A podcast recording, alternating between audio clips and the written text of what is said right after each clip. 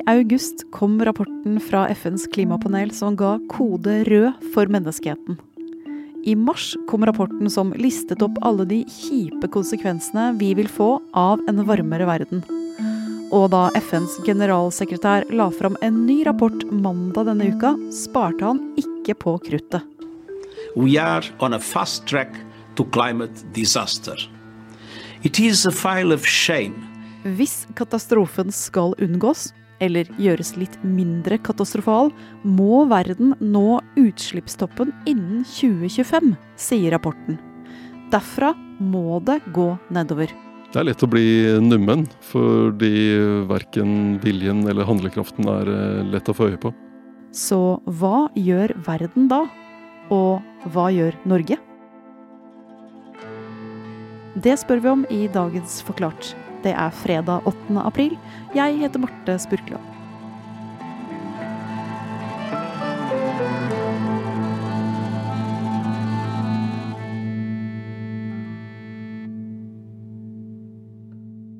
FNs generalsekretær Antonio Guterres han har kalla denne rapporten her for skammens dokument.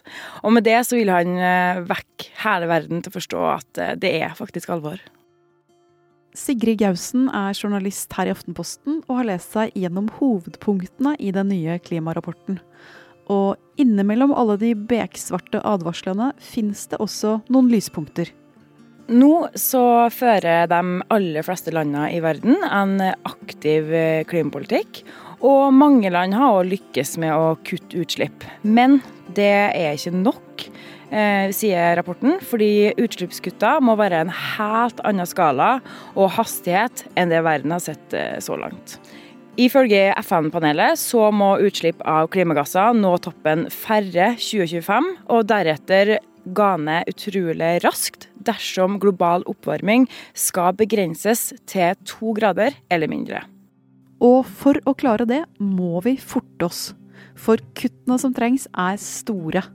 Den globale bruken av kull må kuttes med 60% bruk av gass må kuttes med 45% og bruk av olje må kuttes med 95% Og alt dette må gjøres innen 2050. Sigrid, er det mulig å få til? Ja, og det er flere grunner til det. Og det er at eh, prisen på fornybare energikilder som sol og vind og batteri, de har gått utrolig mye ned de siste åra. Den nye rapporten viser altså hvor det er mulig å kutte utslipp, og hvor det er mer vrient å gjøre det. Og på lista over mulige utslippskutt er det mye som kommer til å gripe rett inn i vår alles hverdag. Vi kan se litt på mat først. Her så må vi trappe ned kjøttforbruket og gå over til et mye mer plantebasert eh, kosthold. Og så vil det òg hjelpe om vi eh, kaster mye mindre mat. Og når det kommer til landtransport, så må vi ha flere elbiler, bruke mer kollektivtransport, dra på flere flyreiser. Og så må transportsektoren legge om til en mye mer klimavennlig drift.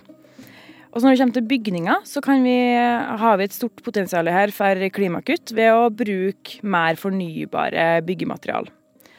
Og når det kommer til industri, altså de store fabrikkene og de som produserer aluminium og sånne ting i Norge, de må bytte ut eh, fossil energi med fornybar energi. Og på et litt eh, annet nivå så kan vi forbrukere vi kan etterspørre mer bærekraftige produkt. Det vil òg hjelpe. I rapporten finnes det også en kategori med utslippskutt som skal gjøres, men som ikke kan gjøres ennå, fordi teknologien som trengs for å kutte, ikke er ferdig utviklet. Når den teknologien kommer, er ennå uvisst. Men én ting er sikkert. Det som kanskje er viktigst med denne rapporten, det er at den sier at vi må alle endre oss. Da rapporten ble sluppet på mandag, grep FNs generalsekretær også anledningen til å si noen sannhetens ord om hvem som er verdens klimaverstinger akkurat nå. Climate activists are sometimes depicted as dangerous radicals. But the truly dangerous radicals are the countries that are increasing the production of fossil fuels. De som er farligst nå, er de landene som øker produksjonen av fossilt brennstoff, altså. Og ikke bare det. Investing in new fossil fuel infrastructure is moral and economic madness. Jepp. Å investere i ny struktur for fossilt brennstoff er moralsk og økonomisk galskap. Var dette en hilsen til Norge? Er vi en klimaversting?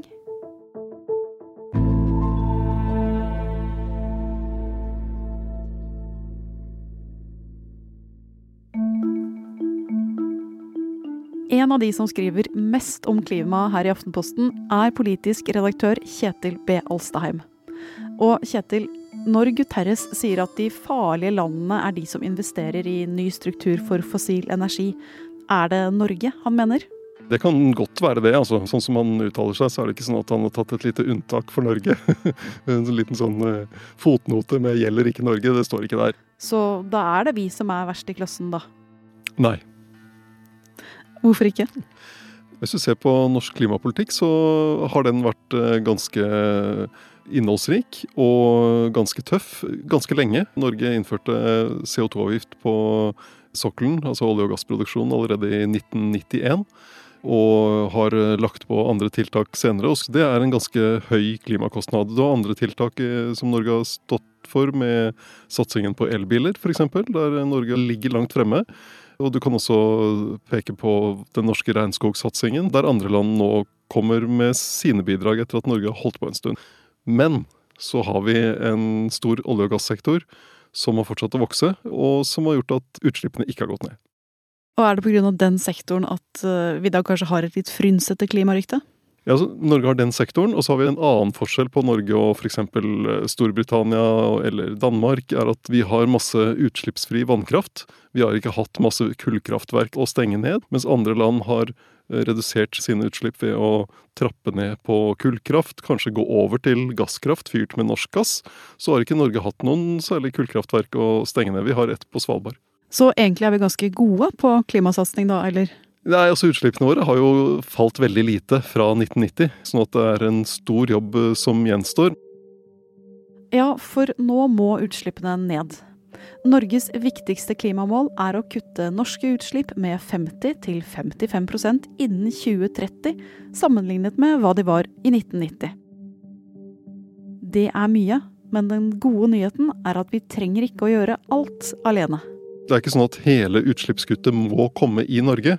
Poenget er at EU og Norge samlet sett kutter nok til å oppfylle de forpliktelsene EU og Norge har meldt inn til FN. Og i tillegg så har regjeringen satt noen mål som bare gjelder Norge? Ja, Der kom Arbeiderpartiet og Senterpartiet i Hurdalsplattformen, som er altså grunnlaget for regjeringssamarbeidet. De på en måte skjerpet ambisjonen. da. De sa at uh, vi skal oppfylle hele dette målet med kutt i Norge. Det må gjøres større kutt i Norge, da særlig fra olje- og gassvirksomheten. Så det, det, gjør at eh, det målet blir eh, vanskeligere og mer kostbart å nå. På Senterpartiets landsstyremøte forrige uke kom partitopp Marit Arnstad med en klimaoverraskelse til folket. Hun kunne tenke seg å skyve litt på Norges klimamål. Endre dem litt, kanskje. Eller bare nå dem litt senere enn 2030. Det ble fort et ganske upopulært utspill også hos regjeringspartner Arbeiderpartiet. I kjernen av det hele står en masse små gasskraftverk ute i Nordsjøen, og det klimatiltaket som er kjent som elektrifisering av sokkelen. Når du skal eh, utvinne olje og gass da, på en oljeplattform, så trenger du kraft til å gjøre det. Og i dag så står det masse små gasskraftverk rundt omkring på de plattformene og slipper ut CO2 og gir eh, kraft til plattformen. Og hvis du erstatter den gassturbinen med en skjøteledning fra land, så kan du kutte utslipp på sokkelen. Det er det som kalles elektrifisering. Og hvis man skal oppfylle hele klimamålet med tiltak i Norge, så må du elektrifisere ganske mye på sokkelen for å få ned utslippene. Men utfordringen med elektrifisering er dette. Det er dyrt.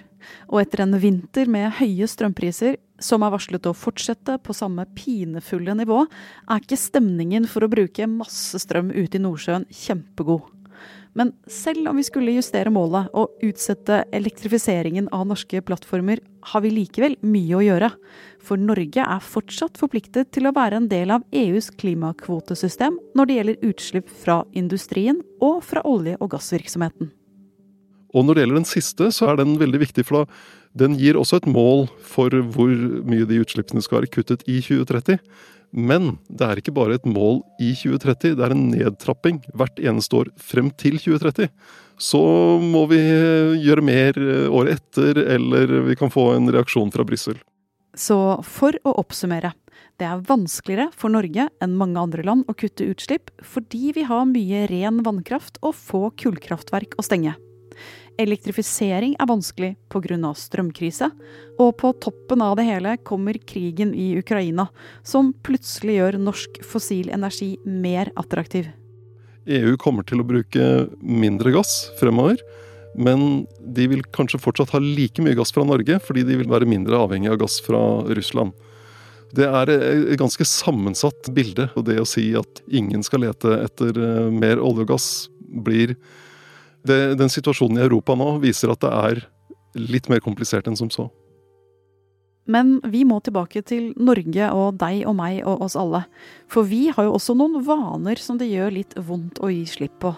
Typ jeg må kjøre bensin- eller dieselbil på bygda. Jeg vil ta fly til storbyferien min. Jeg vil ikke ha en vindmølle som ødelegger utsikten min. Kjetil, er det her vaner vi bare må legge av oss for å komme dit vi skal? Det viser jo i hvert fall hvor komplisert og sammensatt hele klimaproblemet er, og det å, å løse klimautfordringen er.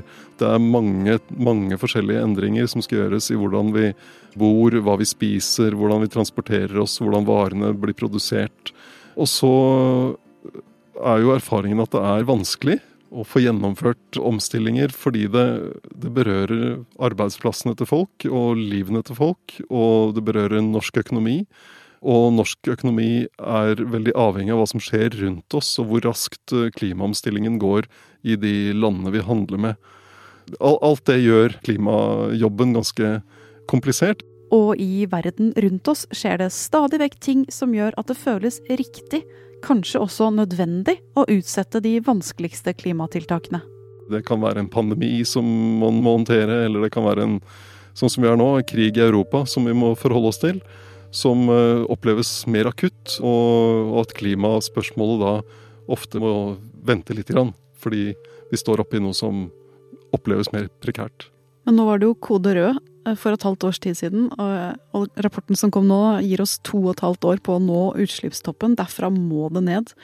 Tror du det er nå vi faktisk klarer å gjøre klima til en hastesak og, og få snudd oss? Dette handler jo veldig mye om de store fremvoksende økonomiene i verden. India, Brasil, ikke minst Kina. Og Kina gjør store fremskritt ved særlig satsing på fornybar energi og utbygging av fornybar energi. Spørsmålet er om Kina nå snart når toppen med utslippsvekst, og greier å snu det og begynner å kutte utslippene. Kina har sagt at de skal nå toppen nærmere 2030. Så mye tid har vi ikke. Så Kina må snu det raskere. Om verden klarer det i 2025, henger i veldig stor grad på Kina. Så kan vi egentlig lene oss litt tilbake og tenke at vi, vi gjør nok, nå får Kina ordne opp? Det kan vi ikke. Norge har eh, ansvar for eh, sine utslipp, og en eh, nordmann har ikke mindre ansvar enn en kineser. Du som følger dette feltet og leser disse rapportene, er du mest håpefull nå ved de mulighetene du ser, eller mest motløs fordi du også ser at det går for sakte? Det er vel begge deler, egentlig. Det går for sakte. Og så er det noe som er positivt, og som den nye rapporten fra Klimapanelet peker på, nemlig at eh, verden gjør mer enn noensinne. For lite, men fortsatt mer. Og så er det viktig å huske på at det er ikke et enten-eller. Det er ikke sånn at vi enten klarer vi alt, eller så klarer vi ingenting. Alt som vi greier å redusere oppvarmingen med, teller. Altså hver 0,1 grad eh, har betydning. Det gjør at den skalaen for skuffelse er litt eh, Den er ganske lang, da. Man kan bli litt skuffet eller veldig skuffet, eller eh, litt motløs eller veldig motløs, men poenget er at alt som blir gjort, gjør det litt bedre.